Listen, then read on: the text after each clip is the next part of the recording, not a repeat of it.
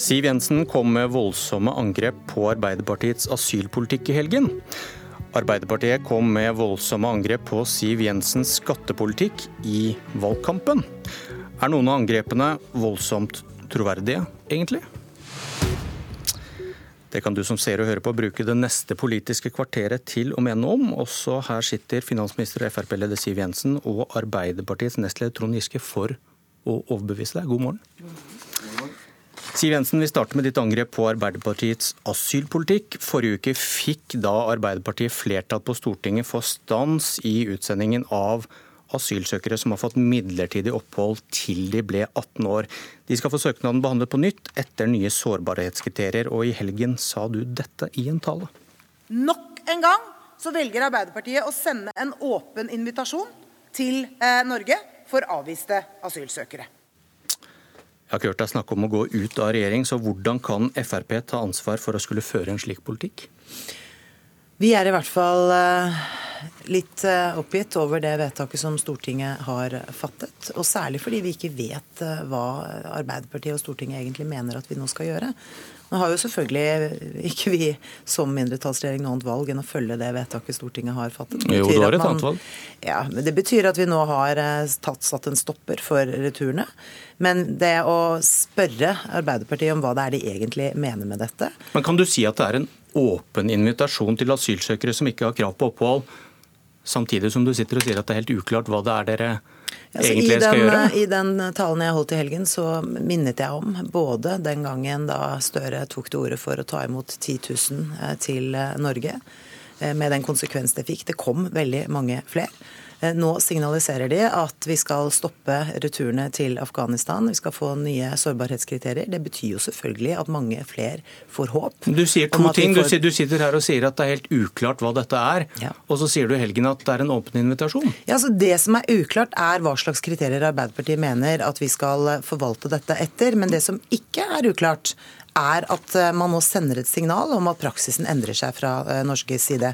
Og Det er uheldig, og det syns jeg Arbeiderpartiet må ta ansvar for. Særlig når de i løpet av fem dager har endret eh, standpunkt gjennom to voteringer i Stortinget. Men det er du som sitter i regjering og må ta ansvaret. og Hvis Frp kan føre en innvandringspolitikk som betyr en åpen invitasjon, hvor går grensen for hva dere ikke kan akseptere? Ja, nå er vi jo i den situasjonen hvor vi advarer mot det vedtaket som Arbeiderpartiet har vært med på i Stortinget. Og så må vi jo se hvordan denne situasjonen utvikler seg. Jeg håper jo at eh, dette ikke fører til eh, at ankomstene til Norge endrer seg. Nå har vi kontroll. Det kommer færre til Norge nå enn det har gjort på veldig lenge. og Det handler jo bl.a. om at vi har ført en konsekvent linje. Nå sendes det signaler om at vi ikke skal være like konsekvente lenger, og det uroer meg. Trond Giske, nestleder i Arbeiderpartiet, det er du som må ta ansvaret for at dette er en åpen invitasjon? Ja, så får vi jo fasiten da om noen måneder. og får vi se om det kommer en enorm strøm, som Sylvi Listhaug og Siv Jensen advarer mot. Eh, det er vel lite grunn til å tro det, fordi eh, alle grenser gjennom hele Europa er nå så stengt at det kommer nesten ikke asylsøkere til Norge. Eh, og jeg respekterer egentlig fullt ut at det, det spørsmålet om enslige mindreårige er et vanskelig spørsmål, og at man kan ha ulike meninger. Vi har hatt en krevende diskusjon i Arbeiderpartiet om det òg. Men det vi ser er jo at det asylforliket vi inngikk i 2016 fikk et uheldig eh, bivirkning, og det var at antall midlertidige blant eh, ungdommene økte kraftig. Før var det 4 eh, midlertidighet. Det ble tidobla. Og jeg tror egentlig at de fleste er enige om at det at ungdommer kommer hit, er her i to år, slår røtter, får et fellesskap i lokalmiljøet, så sendes ut, det er en uheldig måte å behandle asylsøkere på. Så vi ønsker å få midlertidigheten ned at noen få hundre ungdommer får saken sin behandla på nytt, og hvor hvilken situasjon de møter i hjemlandet tillegges litt større vekt, det tror jeg ikke forandrer spesielt på de overordna linjene i asyl- og innvandringspolitikken. Du, du mener de snudde på en uke? Ja, altså det, I løpet av fem dager så var det jo to debatter i Stortinget om dette, med to voteringsgrunnlag. Eh, I den første runden så advarte Arbeiderpartiet mot eh, SVs forslag. I neste runde så endret de litt på retorikken sin. Men poenget her er at jeg, jeg skjønner ikke helt hva Trond Giske sier. Han sier at det at man skal få vurdert forholdene i hjemlandet en gang til, det kan da ikke være så farlig. Men det er altså sånn at de aller fleste europeiske land returnerer til Afghanistan. Eh, dette gjøres fra Danmark, fra Sverige, fra Nederland, fra Storbritannia, Belgia osv. Og det skal også Norge fortsette å gjøre, mener vi. Eh, så er det jo sånn at ja, eh, midlertidigheten, eh, eller antallet som var her på midlertidig opphold, økte. Men det handler jo også om at det kom mange enslige mindreårige som spekulerte nettopp i at de kanskje ville kunne få opphold hvis de ble her. Vet du at Vel de spekulerte i det? Nei, men man visste Du sa det? Som kanskje, sa jeg, gjorde det. Men vel vitende om, vel vitende om at vi hadde sagt på forhånd eh, at hvis man ikke innfridde kriteriene for å få opphold, så skulle man heller ikke få opphold, og da skulle man returnere. Vi har litt ulike mål i innvandringspolitikken, har jeg inntrykk av eh, Frp og Arbeiderpartiet. definitivt. Det ene, altså, Jeg har bestemt inntrykk av at FrPs mål er færrest mulig. Vi tenker vel at det er viktig at de som faktisk har behov for hjelp, får hjelp og får bli. Eh, men jeg er enig i at, eh, og det stramma jo vi inn da vi satt i regjering også, at det er ikke heldig at eh, folk sender barn og ungdom på tvers over jorda for, med håp om en ny framtid. Det er et veldig forståelig ønske, men det er ikke en god måte å hjelpe fattige mennesker på. Du, det neste kampen... da, bare si det, at, at, da er jeg enig i at vi må ha en politikk som sender et signal om at det ikke er en heldig måte. Men nå kan vi finne en god løsning for disse ungdommene som faktisk har vært i Norge i to år. Eh, hvis det er sånn at de sendes tilbake til veldig utrygge forhold, hvis de er sårbare, så vil UDI nå ha mulighet til å vise et større skjønn. Og bare si det, UDI ba sjøl om å få vise et større skjønn, men fikk nei fra Sylvi Listhaug. Det neiet har vi nå oppheva, og vi får en ny behandling. Men Siv Jensen, bare si en ting. Nei, når du så, en ting tre ganger. Som, som, statsråd, kan ikke du være med å la være å sende et signal da, om at nå er grensene åpne, nå sender vi en invitasjon til alle. Det må jo være mye lurere, hvis det er det du mener er det signalet som skal sendes. Hovedproblemet her er jo at Arbeiderpartiet vingler. Nå bekreftet du jo selv at sist dere satt i regjering, så var dere opptatt av å stramme inn, fordi da så dere jo utfordringene med dette. Nå sitter dere i opposisjon og lar dere påvirke av eh, interessegrupper og andre og endrer politikk. Jeg mener det er uheldig. Arbeiderpartiet har normalt vært langsiktig og troverdig i det de gjør. Nå er det ikke det lenger, og det syns jeg er leit. Ok, Kort Giske til slutt. Vært, eh, nå skal jo denne instruksjonsretten over UNE opp til behandling igjen. Eh, asylsøkernes ankedomstol, så å si. Kommer, kommer Arbeiderpartiet til å stemme for at den skal fortsette? At politikerne kan blande seg inn, som regjeringen ønsker? Nei, Vi er jo et av de få landene som ikke har en egen uavhengig ankebehandling. Så dette er også et av de innstrammingstiltakene i en veldig spesiell situasjon som nå må opp til vurdering. Fordi, men hva, hva, hva, kommer dere til å stemme? Nei, så skal vi behandle det i kommunalkomiteen, så skal vi komme tilbake til det. Men eh, vi må ha en asyl- og innvandringspolitikk som er tilpassa den situasjonen vi er Vi var i en veldig spesiell situasjon da eh, det kom veldig mange i 2015. Arbeiderpartiet tok ansvar, var med på alle vedtakene som ble vedtatt i Stortinget, i motsetning til Frp. Og vi sørga for å uh, få en ansvarlig politikk. Okay, da får Men det var kort, altså sånn at vi, vi, vi, strammet til politikken i en situasjon hvor ankomstene til Norge begynte å øke. Men nå vil si jo Trond Giske rett ut at nå må vi tilpasse. Nå har vi hatt det strengt, så nå kan vi myke opp. Nå kan vi liberalisere, sånn at det kan komme flere. Altså, Dette her er litt sånn jojo-politikk som, ikke, ikke akkurat sender, flere, som ikke akkurat sender et forutsigbart signal ut til omverdenen om hvordan Norge håndterer asylinnvandring. Okay, det, det er et prinsipielt spørsmål om ankebehandlinga skal ha instruksjon fra regjeringa, eller om det skal være en uavhengig ankebehandling. Men du sa nettopp at man skulle tilpasse politikken etter de faktiske situasjonen. Eh, det betyr jo at dere vingler frem og tilbake og ikke har en konsekvent linje. Men, men, dere, Vi inviterer tilbake til en debatt når eh, denne, denne UNE-saken eh, kommer opp. Det blir interessant. Ferdig med asyl for i dag. Vi venter på de borgerlige budsjettforhandlingene. Eh, mens vi venter, har jo Arbeiderpartiets alternative statsbudsjett kommet. Og Giske, der har dere forsøkt å forklare hvorfor dere ikke øker skattene med mer enn 4,6 milliarder kroner, mens dere gikk til valg på inntil 15 milliarder for å ha råd til mer velferd. Og så presiserte dere da en uke før valget 4 milliarder av disse 15 skulle gå til barnehage og skole. 7 milliarder til helse og eldreomsorg. 4 milliarder til jobbskaping. Og hva skal avlyses av disse løftene nå?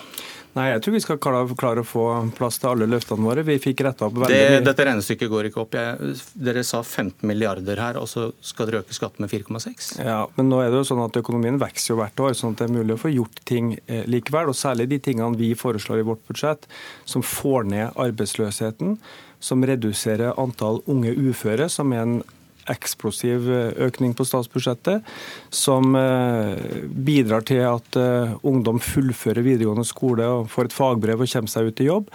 Disse tingene som er store reformer i vårt budsjett, i motsetning til det regjeringa gjør, vil jo bidra til at vi får mer penger bl.a. til å satse på de viktige sakene våre. Eldreomsorg, til barnehager, til gode sykehus. Men økonomien har ikke vokst med 10 milliarder fra en uke før valget til dere la fram deres alternative budsjett. Så 10 milliarder kroner i løfter har nødvendigvis forsvunnet. Og, og hvilke er det?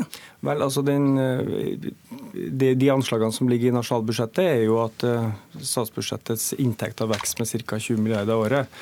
16 av dem kommer fra skatteinntekter. Men det visste dere vel også før valget, eller? Ja da, men vi kunne synliggjøre hva vi kunne gjøre mer eh, på ulike områder. Eh, vi kommer til å bruke mye mer enn de 15 milliardene i velferdsøkning i årene som kommer. Men hvorfor i eh, all verden kom dere med det før valget, hvis det er så lett som du sier, da, at eh, økonomien vokser, så vi har råd til det likevel? Ja, så Nøkkelordet ditt er jo 'inntil'. Ja, Men dere summerte opp 15 milliarder en uke før valget. Ja, men det, det, var 15 milliarder satsing der er jo en del av vår uh, satsing. Vi har jo et budsjett nå som legger opp til en mye større satsing totalt sett i årene som kommer. Men eh, det som er viktig for oss, er at vi må ha skatter som er høye nok til å dekke velferden. Vi må slutte i årene som kommer å gi skattekutt.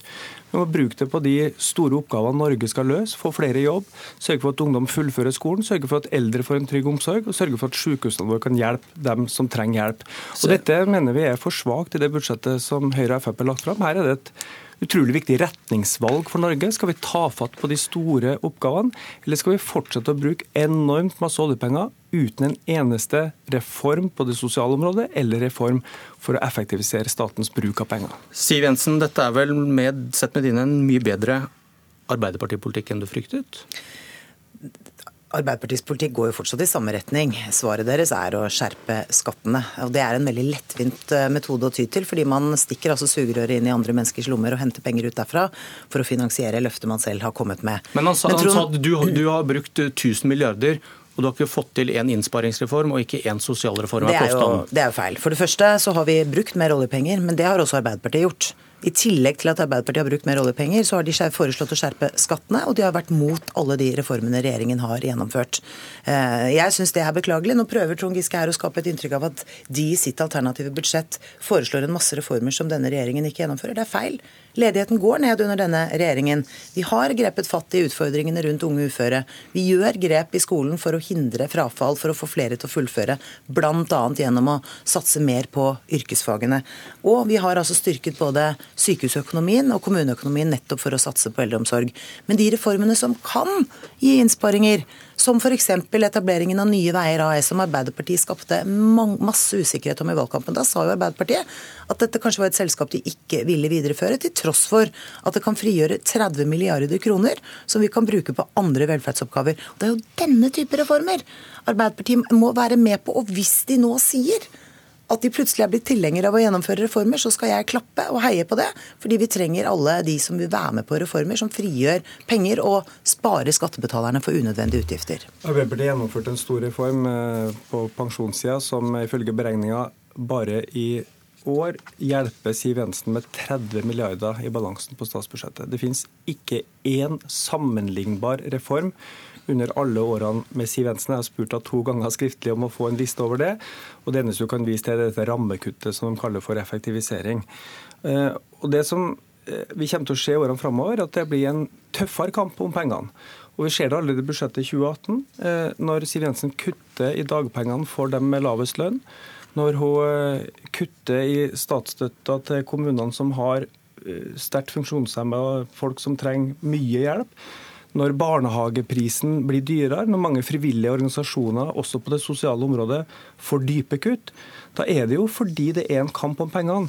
Og det å fortsette i disse årene Siv Jensen, med å gi store skattekutt hvor forskjellene øker. Det er feil. Jensen. Og de, de forberedelsene vi gjør, vi må vi må- forberede oss på framtida. Barn og unge, eldre, syke, folk som skal inn i jobb, må være det vi satser på. Vi må på. redusere skattene rett og slett fordi bedriftene våre skal eh, skape flere arbeidsplasser. Folk må komme i jobb. Det er det sikreste våpenet vi har mot økte forskjeller.